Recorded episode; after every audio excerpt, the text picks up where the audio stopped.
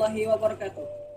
Hai bisnis people di mana pun kalian berada, kembali lagi di Himabi Podcast bersama saya Pak Raji, anggota Public Relation Himabi Visip ULM angkatan 2018. Gimana nih kabar kalian semua? Semoga dalam keadaan sehat ya. Di podcast kita kali ini kita bakalan ditemani oleh kakak-kakak dari Badan Eksekutif Mahasiswa Visip ULM yaitu Ketua Umum BEM Visip ULM periode 2020-2021 Bang Fajril Ismatullah Baboho. Halo Bang. Halo. Uh, terima kasih sudah diundang ke podcastnya. Uh, selanjutnya itu ada seorang cewek cantik nih dan hit abis. Hmm. Iya. Yeah. Anggota dari bidang sosial kemasyarakatan yaitu Kak Cherry Rabiola Sari. Halo Kak. Halo, halo kakak-kakak semuanya. Senang banget bisa masuk juga ke sini. Halo juga Cherry. Halo Kak Fajril podcast kali ini kita bakalan membahas tentang perubahan kinerja organisasi di masa pandemi COVID-19.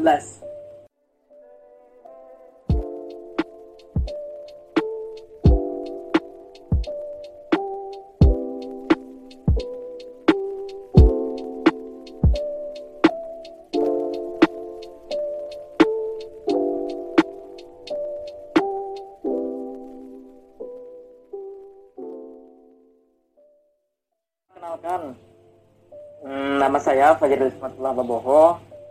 Sekarang menjabat sebagai Ketua Umum BMPC ULM periode 2020. Ya, hmm, tahun ini kan periodenya pandemi. Ada yang juga guyonnya bilang bahwa tahun ini adalah kabinetnya Corona. Wah, iya. lumayan seru lah tahun ini. Bang, kan abang ini mimpin di masa pandemi ini, bang?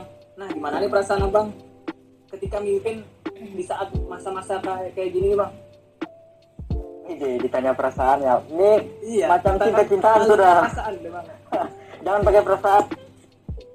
Iya. nah kalau ditanya perasaan kalau orang apa yang namanya anak remaja atau anak yang suka cinta-cintaan tuh jawabnya suka sedih senang susah dan lain-lainnya. Tapi di kalau di apa ini namanya kalau di dalam ranah organisasi kita nggak bisa nyatakan bahwa perasaan itu cuma sedih cuma susah cuma senang. Enggak kalau enggak kita sebagai pimpinan organisasi apalagi menemukan hal-hal yang gini kalau ditanya perasaan nggak bisa dijelaskan satu-satu. Tapi perasaannya itu kompleks. Ada susah sedih senang suka bahagia dan lain-lainnya. Semuanya jadi satu. Ya itulah yang yang dirasakan tahun ini ketika kita menjabat sebagai ketua umum badan eksekutif mahasiswa dan kebetulan kita tahun ini apa ini namanya bertemu suatu kondisi yang belum pernah kita alami mungkin itulah kalau ditanya perasaan perasaan yang kompleks lah semuanya ada di dalam perasaan itu oke bang mantep bang Nah, iya. selanjutnya kan kita langsung masuk ke tema, Bang. Pertanyaannya, hmm. kira-kira apakah ada perubahan kinerja organisasi selama masa pandemi ini? Oke, kalau dibilang kinerja organisasi mungkin kita bisa berfokus kepada uh, sumber daya manusianya kan kalau ditanya kinerja pasti terkait dengan bagaimana nih kinerja keanggotaan. Nah, mungkin biasanya kan gitu yang sering dipertanyakan. Jadi kalau karena uh, pertama sebelumnya kan aku ini sudah tiga tahun ini di Badan Eksekutif Mahasiswa. Untuk tahun pertama, di periode pertama aku di waktu di zamannya ketua umumnya Bang Muhammad, terus dilanjutkan ke Bang Akmal, itu sama seperti organisasi perasaan, eh bukan perasaan, kinerja organisasi yang seperti biasanya yaitu banyak yang ngaret, banyak yang terlambat dan segalanya ada yang kurang efektif dan efisien. Nah, jadi dengan adanya munculnya pandemi COVID-19 ini, kinerja organisasi itu macam lebih unik daripada dua tahun sebelumnya. Nah, kinerja itu di tahun ini ada dua kemungkinan, ada baik dan ada buruknya. Nah, kita pandang dulu dari sisi baiknya. Jadi, jadi, jadi seperti yang saya alami di tahun ini bahwa kinerja organisasi itu dari sisi baiknya kita melihat bahwa uh, kinerja kinerja kinerja kinerja organisasi itu menghilangkan budaya ngaret. Contohnya kita biasanya kan kalau di rapat organisasi mahasiswa itu ngaretnya bisa sampai setengah jam bahkan lebih parah kan bisa sampai satu jam. Nah tahun ini berbeda seperti dua tahun sebelumnya bahwa tahun ini orang misalnya nih kita ambil contoh rapat. Nah di rapat di tahun ini kegiatan-kegiatan rapat itu budaya ngaretnya hampir hilang karena orang rata-rata bisa on time karena cukup untuk karena cukup dengan login di forum rapat dia sudah hadir. Beda kalau tahun dulu kan kita nunggu dia di jalan ada yang bilang masih OT padahal dia masih mandi dan segalanya. Nah itulah yang uh, perubahan kinerja organisasi yang terjadi. Dan tahun ini itulah sisi baiknya corona ini membuat kita budaya ngaret tuh hilang dan otomatis waktu kita lebih efisien. Nah itu. Mungkin kalau segi baiknya itu sih yang lainnya adalah selebihnya tapi yang paling kita dapatkan kebaikannya yaitu hilangnya budaya ngaret. Oke selanjutnya lo. Uh, terkait dengan perubahan kinerja organisasi ada sisi buruknya. Nah sisi buruknya seperti yang aku lihat selama aku memimpin di badan eksekutif mahasiswa ini ada uh, tingkat totalitas kinerja yang menurun. Kenapa totalitas kinerja yang menurun? Contohnya ini kita langsung contoh lah. Misalnya memberikan saran itu di masa kita berkegiatan secara online ini orang memberikan kritik saran dan pendapat itu kayak macam simple. Seadanya beda kalau kita di secara langsung. Apalagi kan kalau secara langsung tuh dia misalnya kita contoh ambil di kegiatan evaluasi. Kalau dia kasih evaluasi dan itu langsung bertemu dengan orangnya waduh itu habis dah disikat mati-matian. Eh kamu kenapa gini? Kamu kenapa gini? Eh kamu ini gini gini gini. Pokoknya habis dicecar. Gitu juga kalau yang ngasih pendapat biasanya kalau yang kita secara langsung itu rinci ngurut dan secara panjang-panjangnya. Tapi kalau sekarang ya simpel. Kasih pendapat asalkan kita sudah nimbrung ya sudah. Kasih kritik secara eh kasih kritik dievaluasi sekedar kita kasih kritik dengan formalitas ya sudah selesai. Dan itulah yang yang kita lihat bahwa totalitas dia dalam baik itu memberi saran masukan itu agak menurun. Apalagi di sisi kinerja dia kinerja dia melaksanakan sebuah kegiatan. Itu bakal memang ya kita bilang agak menurun lah. Nggak juga sangat menurun tapi memang agak menurun. Karena kita nggak tahu dia mengerjakan sesuatu ini apakah dia memang benar stay di HP atau dia sambil masak atau dia sambil minum atau ada yang sambil dikerjakan yang lainnya. Nah itulah membuat dia hmm, itu sih. Ya benar benar benar. Karena apa ya di zaman kayak gini pandemi gini kan ya lebih fleksibel cuman kelebihannya. Semua orang bisa ikut berpartisipasi dalam event apa pun nggak ada alasan untuk uh, apa tadi kata Kak Fajril? Telat atau apa? Kan karena sudah fleksibel gitu yeah. Cuma, kan kekurangannya itu tadi. Kayak uh, jujur semangat pun untuk apa semangat untuk berpartisipasi dalam online itu bisa dibilang menurun juga gitu. Karena ah online aja gampang santai nah, pasti kan kayak gitu. Ya biasanya kan gitu. Mm -mm. yang penting kan biasanya dia nonaktifkan kameranya nonaktifkan audionya sudah. Dia mau ngapain kan kita nggak tahu. Padahal kita melihatnya dia aktif tapi belum tentu itu dia nyimak. Belum tentu juga dia stay di HP-nya iya bener. Oke artinya kan bang setiap perubahan itu ada sisi negatif sama sisi positifnya kan bang? Iya benar. Oke kita ke Kak Ceri deh. Kan tadi sudah tahu perasaan Abang Badril gimana? Sekarang kita tanya Kak Ceri gimana nih perasaan Kak Ceri uh, setelah masuk BEM tahun ini? Apakah masuk BEM ini karena cuma mau deket-deket sama anak BEM kan? Atau gimana Kak Ceri atau sama cuttingnya gitu kan? Ampun. Gimana Kak Ceri Kak Farul mungkin.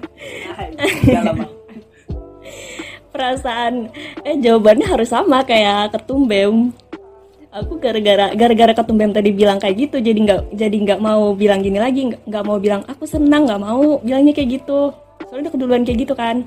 Cuman uh, jujur aja jujur aja ya bersyukur sih karena um, akhirnya bisa sama-sama belajar walaupun lewat apa online gitu ya. Tapi aku dikasih banyak kesempatan untuk berkontribusi di tempat aku kuliah gitu terutama di badan eksekutif ini ya dan selebihnya pasti udah kayak orang-orang biasa. Karena aku baru baru kan kalau Kak Fajri udah tiga tahun tuh udah udah tau lah seluk beluknya bem tuh kayak gimana dan lain kalau aku masih belajar masih masih perlu belajar dari kakak-kakak sekalian yang sedang bikin podcast sekarang. Yang aku dapetin itu itu. Aduh kamu lebih jago lah kan nggak ada. Anda juga ketua kan kalau nggak salah ketua apa? Teman-teman Kak Cherry ini sebenarnya dia ini juga ketua dari Inspira Lopa ya kan kak? Wah, ketum kita. Ketum Inspira Lopa nih guys. Ya hmm. terkait Inspira Lopa nih kak. Hmm. boleh nanya nggak kak tentang komunitas kakak Uh, apa nih? Jelasin komunitasnya kah atau gimana? Uh, sebelumnya jelasin dulu deh kak apa itu komunitas kakak apa itu Inspira Lopa oke. tentang apa itu sih? Jadi sekalian promosi nih. Uh, kom- aman. komunitas uh, ya alhamdulillah lagi sedang menjabat sebagai ketua komunitas literasi gitu. Jadi em, di sini perkumpulan orang-orang pegiat literasi.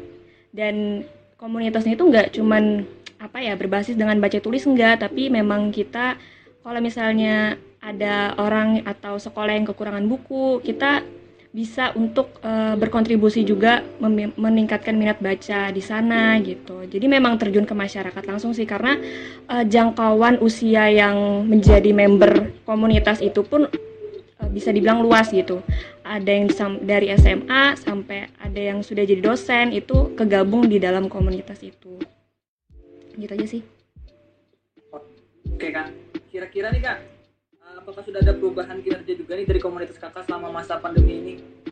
Ya udah pasti karena kami ini biasanya eh, kalau kegiatan itu tiap minggu tuh ada lapak baca buku kan. Nah karena pandemi akhirnya kayak ada PSBB kemarin sempat sempat ada PSBB dan kami nggak bisa sembarangan untuk buka lapak baca buku. Biasanya kan buka lapak baca buku tuh saat Car Free Day di lapangan Murjani atau di lapangan di alun-alun mana pun gitu. Nah karena pandemi ini akhirnya kami nggak bisa buka lapak baca tapi sama seperti organisasi yang lainnya yang pasti kami bikin event online sih. Hmm, terus gini kak, yang mungkin banyak pertanyaan dari teman-teman business people juga, eh, apakah organisasi itu sama dengan komunitas dan bagaimana pergerakan dari komunitas itu kak? Ini ke siapa? Ke Kak Fajril atau Cherry? Ke Kak Cherry dulu deh, dong. Singkat aja kali ya, kalau misalnya perbedaan dari organisasi dan komunitas, pertama untuk organisasi kampus kan eh, Cherry ba- maba juga nih, baru-baru juga untuk ikut BEM. Eh, yang Cherry lihat dari satu tahun ini, komunitas itu emang lebih fleksibel. Jadi kami tuh sebenarnya nggak ada raker, nggak ada nggak ada kayak rapat bulanan, mungkin lebih ke brainstorming. Jadi setiap ada momentum atau fenomena apa tuh eh, para anggota, ih kita bikin apa nih? Lebih lebih apa ya?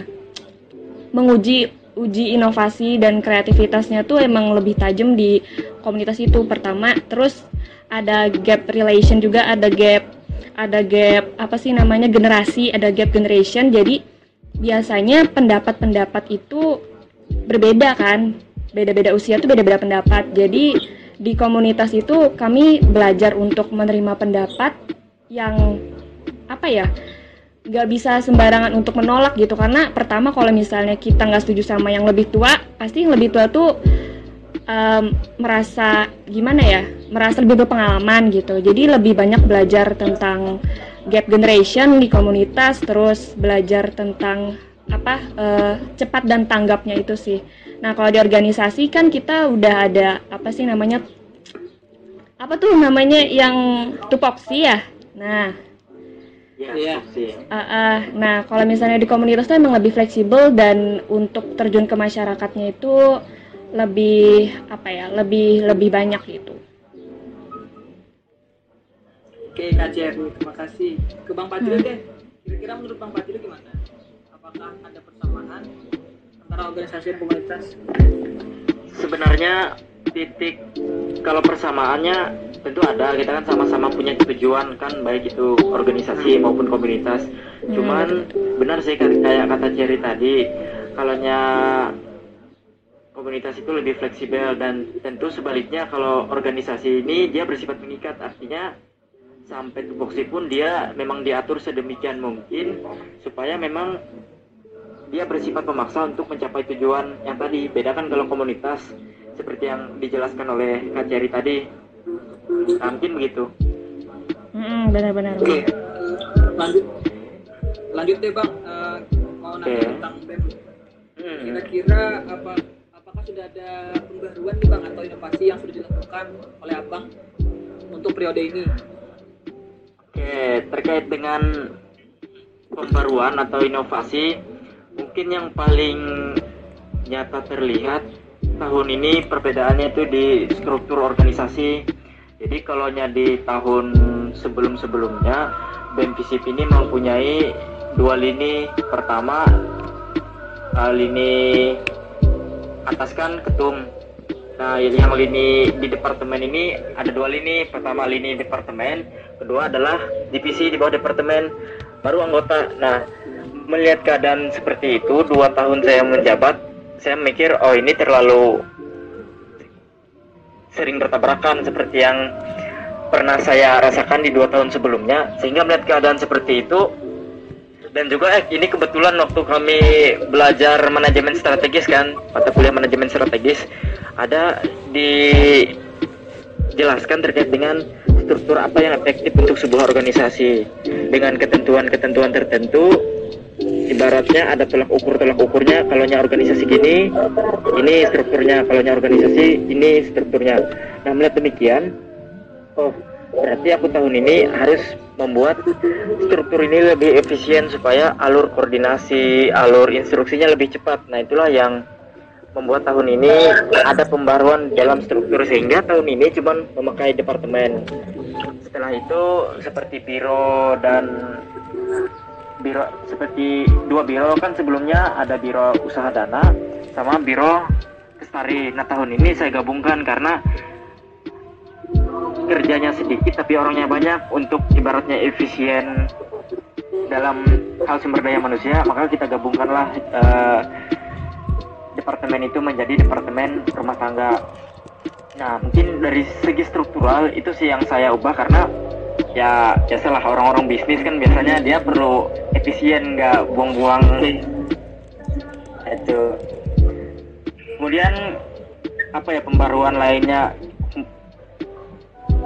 kira-kira Kalau dari program kerja ataupun program kegiatan kira-kira ada pembaruan inovasi lagi? Nah, program kerja terkait dengan program kerja tahun ini memang beda daripada tahun-tahun sebelumnya.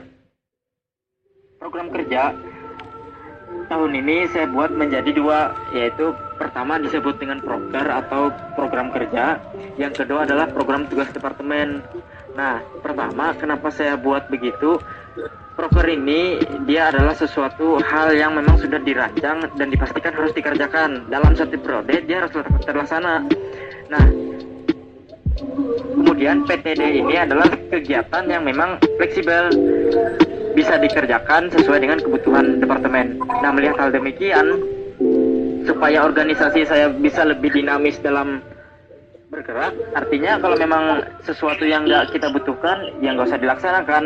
Kalau sesuatu itu yang dibutuhkan tapi belum direncanakan, ya kita laksanakan, dibentuklah sebuah PTD. Nah, mungkin dua hal itu supaya dalam proker itu kita lebih fleksibel dan kita bisa menyesuaikan uh, keadaan dan terbukti memang di tahun ini dengan datangnya pandemi ini kita lebih fleksibel dengan adanya PTD ini sehingga para departemen berkreasi se inovatif mungkin dalam membuat uh, langkah-langkah strategis untuk membuat kegiatan departemen. Nah, mungkin begitu sih. Dua itu yang paling memang paling banyak pembaharuan di dan tahun ini. Oke deh, makasih banyak ya bang. Nah, gimana ya teman-teman? Udah paham kan eh, apa ada sisi positif dan sisi negatifnya dari perubahan kinerja organisasi ini? Para business people yang di rumah nih bang. Untuk Kak Ceri juga Oke. pesan dan kesannya. Bang Fajri dulu deh. Oh, Cerita duluan karena tadi kan udah bicara biar gantian gitu. Oke. Ih. Oke, eh, pesan dan kesannya gini aja, Wa. jangan jangan sampai pandemi ini menghalangi kita untuk berkreativitas. Apa pun bisa kita lakukan gitu. Apalagi sebagai mahasiswa, eh, kan mahasiswa biasanya diharapkan untuk terus berani berbicara, berani speak up dan lain-lain. Dan caranya tuh ada ada ini kayak bikin podcast atau apa. Kita punya banyak platform kok sekarang gitu di zaman yang sekarang tuh udah udah sangat mudah untuk uh, menyalurkan aspirasi dan lain-lain gitu apalagi untuk berkreasi gitu jadi jangan jangan sampai pandemi itu bikin kita males-malesan atau gimana tetaplah produktif gitu itu aja sih Oke. Makasih Kak Cherry. iya sama-sama Bang Patidil, gimana Bang? Oke, eh, ini mungkin kalau terkait dengan pesan dan kesan untuk teman-teman yang di rumah, mungkin aku khususnya supaya kita ke depannya lebih siap menghadapi apa ini namanya sesuatu yang bakal terjadi karena kita tahun ini kan semacam terkejut terkait dengan adanya pandemi ini. Jadi semua orang berubah sedemikian rupa, semua orang kreatif sedemikian rupa akibat adanya pandemi ini. Nah, mungkin pesan dan kesannya saya mengangkat dari Nah, ini buku yang sedang Kak Ceri baca. Bukunya Yuval Noah Harari. Nah, kan ada triloginya, trilogi Yuval Noah Harari. Cuman aku belum baca, cuman meski aku belum baca, aku beberapa video sudah apa ini namanya sudah menonton baik itu review dan resensi buku itu bahwa Yuval Noah Harari itu menginginkan manusia di masa kini dan masa mendatang itu adalah manusia yang fleksibel. Nah, fleksibel bukan berarti dia harus manusia yang punya gagasan 10 tahun ke depan, punya gagasan yang lebih besar, punya gagasan yang sudah memikirkan ratusan tahun ke depan. Tapi kata Yuval Noah Harari, manusia di zaman sekarang itu dituntut yang tinggi artinya dia siap berubah kapan pun dia bisa merespon lingkungan yang ada nah itulah yang harus kita miliki sekarang baik kita di organisasi mahasiswa kita di kuliah sebagai mahasiswa kita harus mempunyai sisi fleksibilitas. Nah mungkin itu sih ibaratnya pesan dan kesannya supaya kita lebih lebih fleksibel aja seperti yang dikatakan oleh Yuval Noah Harari. Nah mungkin sekian sih kalau pesan dan kesan dari saya. Oke, makasih banyak Bang. Kata-kata mutiaranya. yo eh, siap. Iya betul betul. Ya, mantap The best sekali. Jadi juga lagi baca itu tuh buku. Iya heeh. Dan itu sejalan loh sama apa ini namanya istilah fuka yang sedang digaungkan sekarang. Tahu nggak cari istilah fuka itu? Apa? Yang mana tuh? Ah, itu yang aku lupa itu dikeluarkan kalau nggak salah itu dari Harvard University bahwa dunia sekarang itu dalam keadaan fuka. Yang pertama kan dia fuka itu kalau nggak salah V-nya itu volatile kan kalau nggak salah. Menunjukkan bahwa bumi sekarang itu keadaan bukan bumi sih keadaan manusia sekarang itu berubah sedemikian cepat baik itu ekonomi politik dan segalanya itu sedemikian cepatnya berubah. Habis itu uncertainty kalau nggak salah. Nah karena kita ini sedemikian ruwetnya itu tuh apa ya melahirkan sesuatu yang ketidakpastian gitu nah. Itu kan kalau nggak salah? Ya kemudian yang ketiga itu adalah yang si kan itu kompleks. Nah jadi karena misalnya kan adanya pandemi ini dia memukul semua sektor ekonomi politik budaya bahkan organisasi mahasiswa bahkan pertemanan pun berubah itulah yang LDR dia. Iya benar. Kemudian yang terakhir itu yang akan ambigu semuanya ambigu baik itu yang ini dilakukan, yang itu dilakukan, yang sana dilakukan jadi bingung kita ini mau ngerjakan yang mana kadang-kadang kita ini bingung mau ngerjakan yang mana. Contohnya aja kan kemarin keluar istilah darurat sipil nggak bisa nggak cocok darurat sipil keluar lagi PSBB nggak cocok lagi PSBB new normal. Nggak cocok lagi new normal AKB lagi. AKB kan kalau nggak salah. Hmm. nah itu. Itu sih. Nah jadi gagasan itu gagasan dari Yuval Noah Harari terkait dengan uh, fleksibilitas manusia itu sesuai dengan tuntutan kita menghadapi dunia yang sedang dalam keadaan suka sekarang. Nah itu sih pesan-pesan saya kepada teman-teman tadi tuh. Iya iya. Oke bang, makasih banyak ya bang. Oke. Dan dan siap. mau nambahin dikit kalau jadi lupa juga itu Ya, kata siapa. Jadi lupa juga kata siapa. Cuman yang jelas eh, sebenarnya orang-orang yang menang sekarang adalah orang-orang yang eh, cepat gitu dan orang-orang yang bertahan dengan kedinamisan dunia gitu. Jadi orang-orang yang menerima perubahan itu orang-orang yang bertahan di dalam hidup. Itu sih. Aku merasa insecure bang. Waduh. Kenapa? Gak paham bang. Aku merasa insecure bang. Gak apa-apa nggak usah baca buku sekarang. Ber yang memudahkan kita. Iya bener. Ya, ya media. para youtuber kan suka tuh ngeresensi buku, menjelaskan kasus dan segalanya. Hmm. Kasih bang. Nah, Oh iya siap. mungkin kita cukupkan dulu sampai di sini ya bang podcast kita kali ini. Oke. Oke. Eh, saya ucapkan terima kasih nih kepada Bang Fajril, kepada Kak Ceri, kepada teman-teman semua yang udah nonton eh, podcast kita kali ini. Untuk teman-teman yang berada di rumah, jangan lupa kalau keluar jangan lupa pakai masker ya. Terus ingat tetap waspada dan jangan lupa berdoa. Semoga podcast kali ini bermanfaat. Sampai Amin. jumpa di podcast Kimabi berikutnya.